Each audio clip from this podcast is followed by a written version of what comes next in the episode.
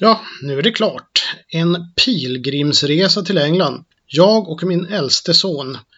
Ja, det blir bra. Men först en kopp kaffe och kanske lite gammalt nostalgisnack. Jag tror det är dags för det. I alla fall just nu.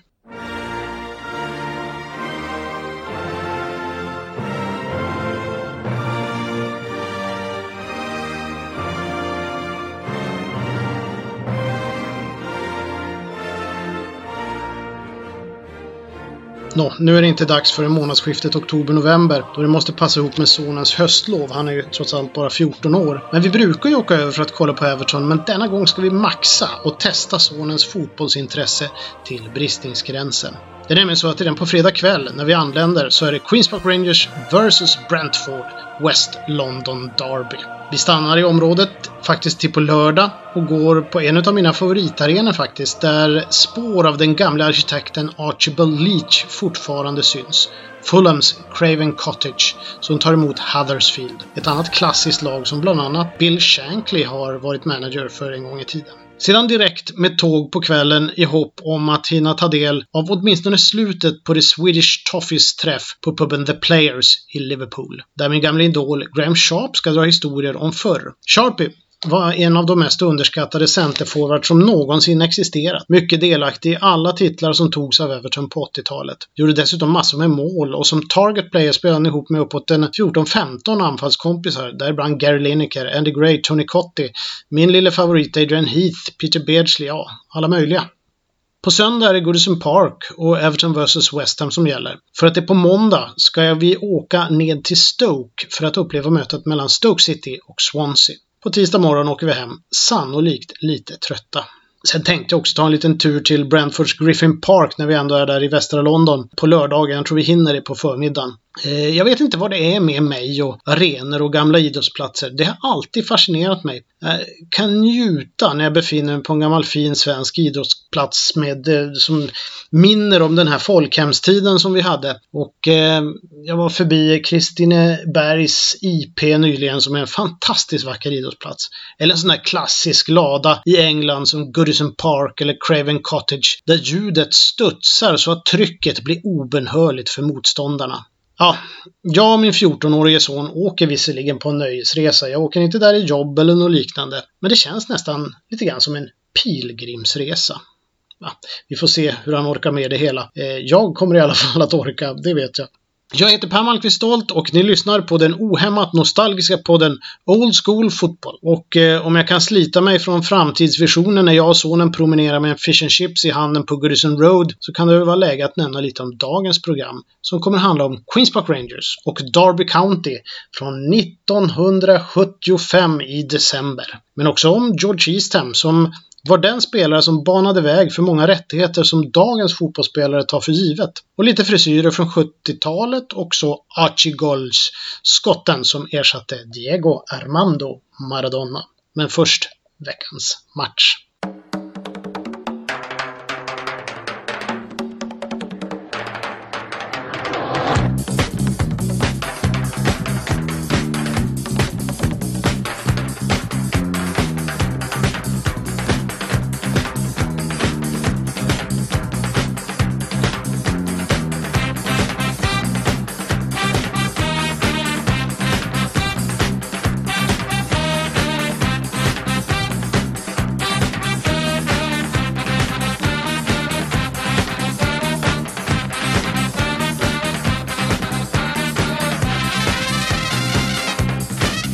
Den 13 december 1975 gästade mästarna Derby County Loftus Road för att som liga 2 möta den överraskande ligaettan Queens Park Rangers. Matchen lägger ut på sajten, det finns ett klipp från den, men jag kan inte låta bli att nostalgia lite över två fantastiska laguppställningar. Derby kunde mönstra en anfallslinje bestående av Francis Lee, han som redan vunnit ligan med Manchester City och kanske var mest känd därifrån. Engelsk landslagsman som sen blev mångmiljonär tror jag om det var på att sälja antingen toapapper eller blöjor. Charlie George, den alltid omdiskuterade som avgjorde fa FA-cupfinalen 1971 bland annat eh, för Arsenal och var liksom en symbol för den tiden med sitt långa hår. Och så den walesiska yttern Leighton James, alltid oberäknelig och väldigt teknisk och snabb. Jag tror han var snabb i alla fall. Och sen hade de ju förstås Englands mittlås bestående av Colin Todd och Roy McFarland. Nu vet jag inte om Roy McFarland spelade just då för han hade varit långtidsskadad. Men de två, när de var som bäst, var riktigt svåra att ta sig förbi. Till hjälp hade de exempelvis den lysande vänsterbacken David Nish. På mitten slet tre av 70-talets mittfältsgiganter får man väl ändå säga. Henry Newton och så den ettrige lille Archie Gemmill som har gjort Skottlands vackraste VM-mål, kanske det vackraste målet genom alla tider, 1978. Och så Bruce Rioch. Den senare skulle faktiskt göra Darbys mål i den här matchen. Men om eh, säsongen 73-74 var, förlåt, om säsongen 74-75 var Darbys så var säsongen 75-76 QPRs. Och det var faktiskt en säsong som skulle gå till hävderna i västra London. En ung och respektlös uppställning som skulle ta ligan med storm och även om det till slut var så då att mäktiga Liverpool ändå vann titeln efter att QPR lite orutinerat inte orkat hela vägen fram. Men det var svårt att vinna den typen av eh, långlopp mot dåtidens Liverpool, denna röda maskin. Men som QPR glänste. Phil Parks med den gigantiska mustaschen, jag tror han hade anlagt den redan då, vaktade målet. Försvaret styrdes av rutinerad Frank McClintock tillsammans med David Webb. Dave Clement och Ian Gillard på ytterbackarna. Och på mittfältet fanns den perfekta mixen av John Hollins arbetskapacitet, Jerry Francis offensiva kreativitet och Don Massons kreativitet överhuvudtaget. Många menar att Masson blev den slutliga pusselbiten i detta QPR. Don Givens fanns också i anfallet och för det mesta Stan Bowles. Ja, han var väl lite varstans. Just i denna match var inte Bowles med utan Mick Leach startade istället och sen eh, var det den där yttern vid namn Dave Thomas en av mina första idoler, men jag upptäckte honom först när han var i Everton och har också skrivit en del om den tiden. Men eh, som en läsare mycket riktigt påpekade, frågan var om han inte var större och är en större legendar i QPR. Eller det är han nog, det får vi väl erkänna. Även om jag måste tillstå att säsongen 1977-78 var en magisk även i The Toffees. Nedrullade strumpor, fart och fläkt samt perfekta inlägg. Det var dock Stan Bowles, den omöjliga, och Jerry Francis som drog ner de flesta rubrikerna. Det sades ha en telepatisk förståelse för varandra på plan och magi kunde uppstå när som helst. Gå gärna in och läs länken om den strulige Stan Bowles vars historier och irrfärd i livet jag skrivit om tidigare. Men denna decemberlördag var det dock inhopparen Phil Nutt som gjorde QPRs mål. Matchen slutade 1-1, vilket jag tror är det vanligaste resultatet i Tips Extra. Det finns anledning att återkomma till detta QPR, men nu tänkte jag spåra tillbaka ett drygt decennium och minnas lite hur det var när spelarens rättigheter knappt alls fanns och vem som ändrade på det hela, eller bidrog till att ändra på det hela. En tid fjärran från Moussa Sissoko som eh, hade en privatjet som stod och väntade på att han skulle flygas till eh, Manchester eller Liverpool för att sedan ta sig till Evertons Finch Farm för att skriva på ett kontrakt med så mycket pengar att han måste anstränga sig rejält för att göra sig av med dem. Det skulle nästan vara en extrem prestation. Cissoko vägrar dock att svara på telefon, gör sig osynlig, vilket är lite märkligt i denna Twittervärld, och dyker sedan upp på just Twitter med en Spurs-tröja. Jag ska gå tillbaka till en tid då det inte var lika enkelt för spelarna. Och en hjälte vid namn George Eastham, vilken eh, Cissoko borde skänka en och annan tacksamhetens tanke.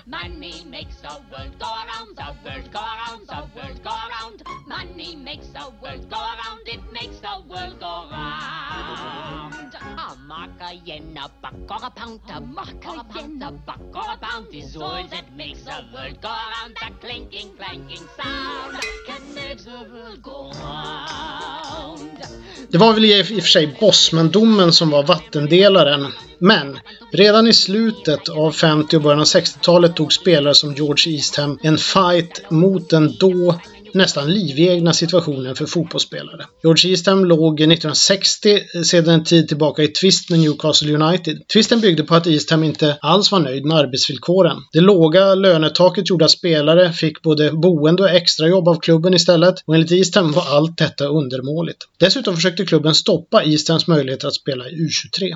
Englands U23-lag alltså. Eastham vägrade därmed att skriva nytt kontrakt och sökte transfer. På den tiden jobbade klubbarna med ett system som kallades för Retain and Transfer, vilket innebar att man kunde vägra en spelare flytt och samtidigt hålla inne med lönen om spelaren faktiskt hade begärt en transfer. Eastham menade att det var någon form av slavkontrakt och de hade i princip inga rättigheter överhuvudtaget. Oftast var eh, folk på läktarna bättre betalda än vad spelarna var. Och även om han inte tyckte det var något fel i det så hade ju de faktiskt friheten att byta jobb när de ville och röra sig till en, till en annan arbetsplats eller annan arbetsgivare, vilket inte fotbollsspelarna hade. Och det tyckte han var fel. Eastham kunde inte lämna Newcastle, men gick i strejk i slutet av säsongen 59-60. I november 1960 gav Newcastle upp och sålde Eastham till Arsenal. Han gav sig dock inte utan drog Newcastle inför domstol vilket ledde till en liten reformation av den brittiska transfermarknaden. Retain-delen minskade kraftigt och gav mer rättvisa regler för spelare som ville skriva på nytt kontrakt samt att det ledde till en transfertribunal för att komma till rätta med tvister. Det blev inga titlar med ett för tiden ganska svagt Arsenal, men Eastham var faktiskt med i den engelska landslagstruppen som 1966 vann VM. Eastham som inte spelade en enda minut i turneringen fick faktiskt vänta till 2009 för att få ta emot en vinnarmedalj av dåvarande premiärministern Gordon Brown på 10 Downing Street. FA hade efter en lång kamp äntligen fått Fifa till att dela ut en medalj till hela truppen och inte bara de som var med på. George Eastham skulle sen också vinna ligacupen i början på 70-talet med Stoke City där han faktiskt tror jag gjorde ett av målen. År 1960 visste dock eh, varken George Eastham eller hans kollegor vilka år som väntade. Men snart skulle världen bli lite mer som den som Sissoko befinner sig i. Mycket symboliserat med hjälp av allt mer vildvuxen behåring i ansiktet.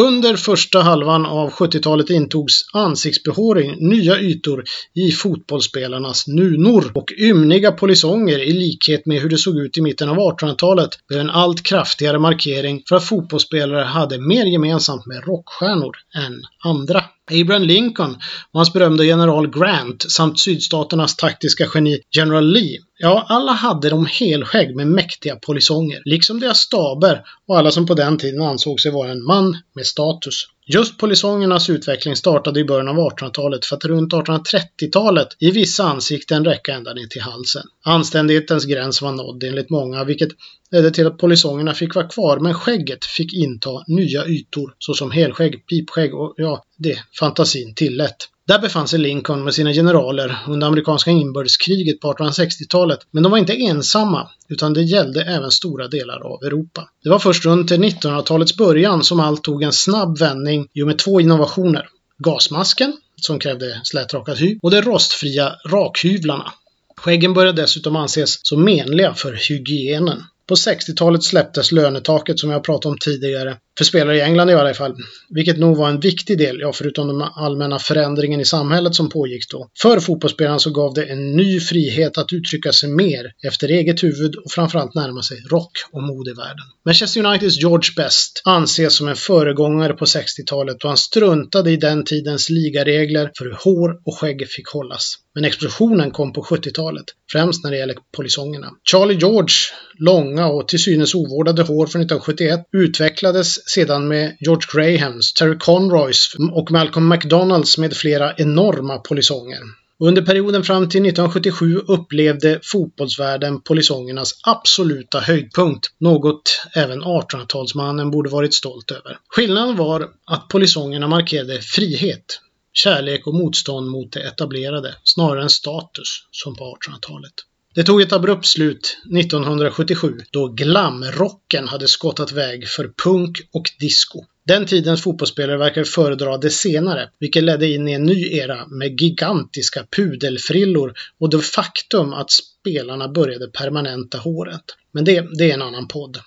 Nog så intressant i och för sig. Själv kan jag inte släppa tanken på ett på en långhårig, blond eller kanske till och med lite rödlätt skotte som dominerade Tipsextra i början på 80-talet och skulle sedan bli ersättare för Diego Armando Maradona i Barcelona.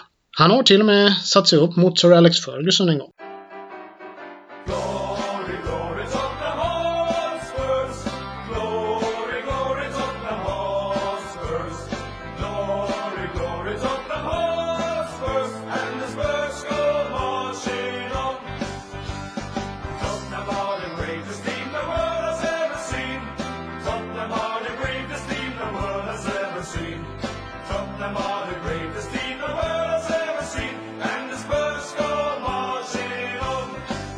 Steve Archibald var en notorisk målskytt och Skottlands kanske bästa export söder om Hastings som med skjortan utanför byxorna och oftast i tröja nummer 8 gjorde succé i bland annat Aberdeen, Tottenham och Barcelona. Estes Hombre konstaterar Barcelonas president Josef Luis Núñez på framsidan av El Mundo Deportivo den 25 juli 1984. Det här är mannen som ska ersätta Diego Armando Maradona. En smal och blond skotte vid namn Steve Archibald som såg ut att vara förvånansvärt avslappnad och oberörd av situationen. Maradona hade dragit vidare till Napoli då han aldrig riktigt lyckades i Barcelona. Bland annat därför att han i match efter match fick ganska så brysk behandling av motståndarna. Slaktaren från Bilbao, Athletic Clubs Andoni Goicoecha, tror jag man uttalar det som, ska ha varit extra osnäll mot argentinaren. Det är ju faktiskt en legendar när det gäller osnällheten. Denne slaktare från Bilbao. Nu behövde man istället in med en spelare i Barcelona som hade ett imponerande målfacit och en personlighet som kanske inte skulle gå att skrämma upp så lätt. Valet föll på Steve Archibald, som själv uttryckte viss förvåning över att det var en tunn bilmekaniker från Rutherglen. Archibald startade nämligen upp en bilmekfirma redan som tonåring. Archie blev fort en favorit bland fansen i Terry Venables Barcelona. Faktum är att många fortfarande hävdar att det är den mest lyckade fotbollsexporten någonsin till en destination utanför de brittiska öarna. Karriären tog fart betydligt tidigare. Född i Glasgow. Genombrottet kom som mittfältare i skotska Clyde, men han skrev på för en annan bördig från Glasgow, Alex Ferguson, och eh, framgångssagan Aberdeen var det som anfallare. Fergusons Aberdeen skulle vinna massor med titlar under första halvan av 80-talet och Steve Archibald var med och tog ligatiteln 1979-80. Temperamentet fanns och vid ett tillfälle ska han ha lagt beslag på en boll efter ett hattrick vilket Alex Ferguson inte gillade och krävde att bollen skulle återlämnas. Dagen efter sparkade Archibald in bollen på Fergusons kontor med orden “Here's your fucking ball”. Tottenham Hotspur fick upp ögonen för Archibald och 1980 begav han sig till norra London och skulle bli en del av ett välspelande och glamoröst gäng som lyckades med det mesta utom en ligatitel.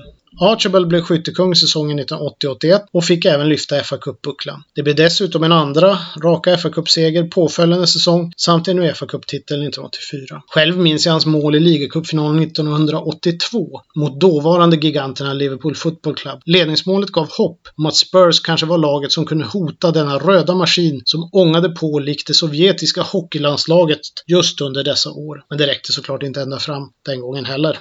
Steve Archibald bildade i Spurs ett mäktigt anfallspar med Garth Crooks och senare Tottenhams egna forwardsprodukt Mark Falco. Laget i övrigt bestod av flertal profiler såsom Glenn Hoddle, Osvaldo Ardiles, Ricardo Villa, Steve Perman, Graham Roberts, Gary Mabbott och Ray Clemens för att nämna några. Spurs var ett välspelande lag som underhöll och tog pokaler men lyckades inte sätta kronan på verket med en ligatitel.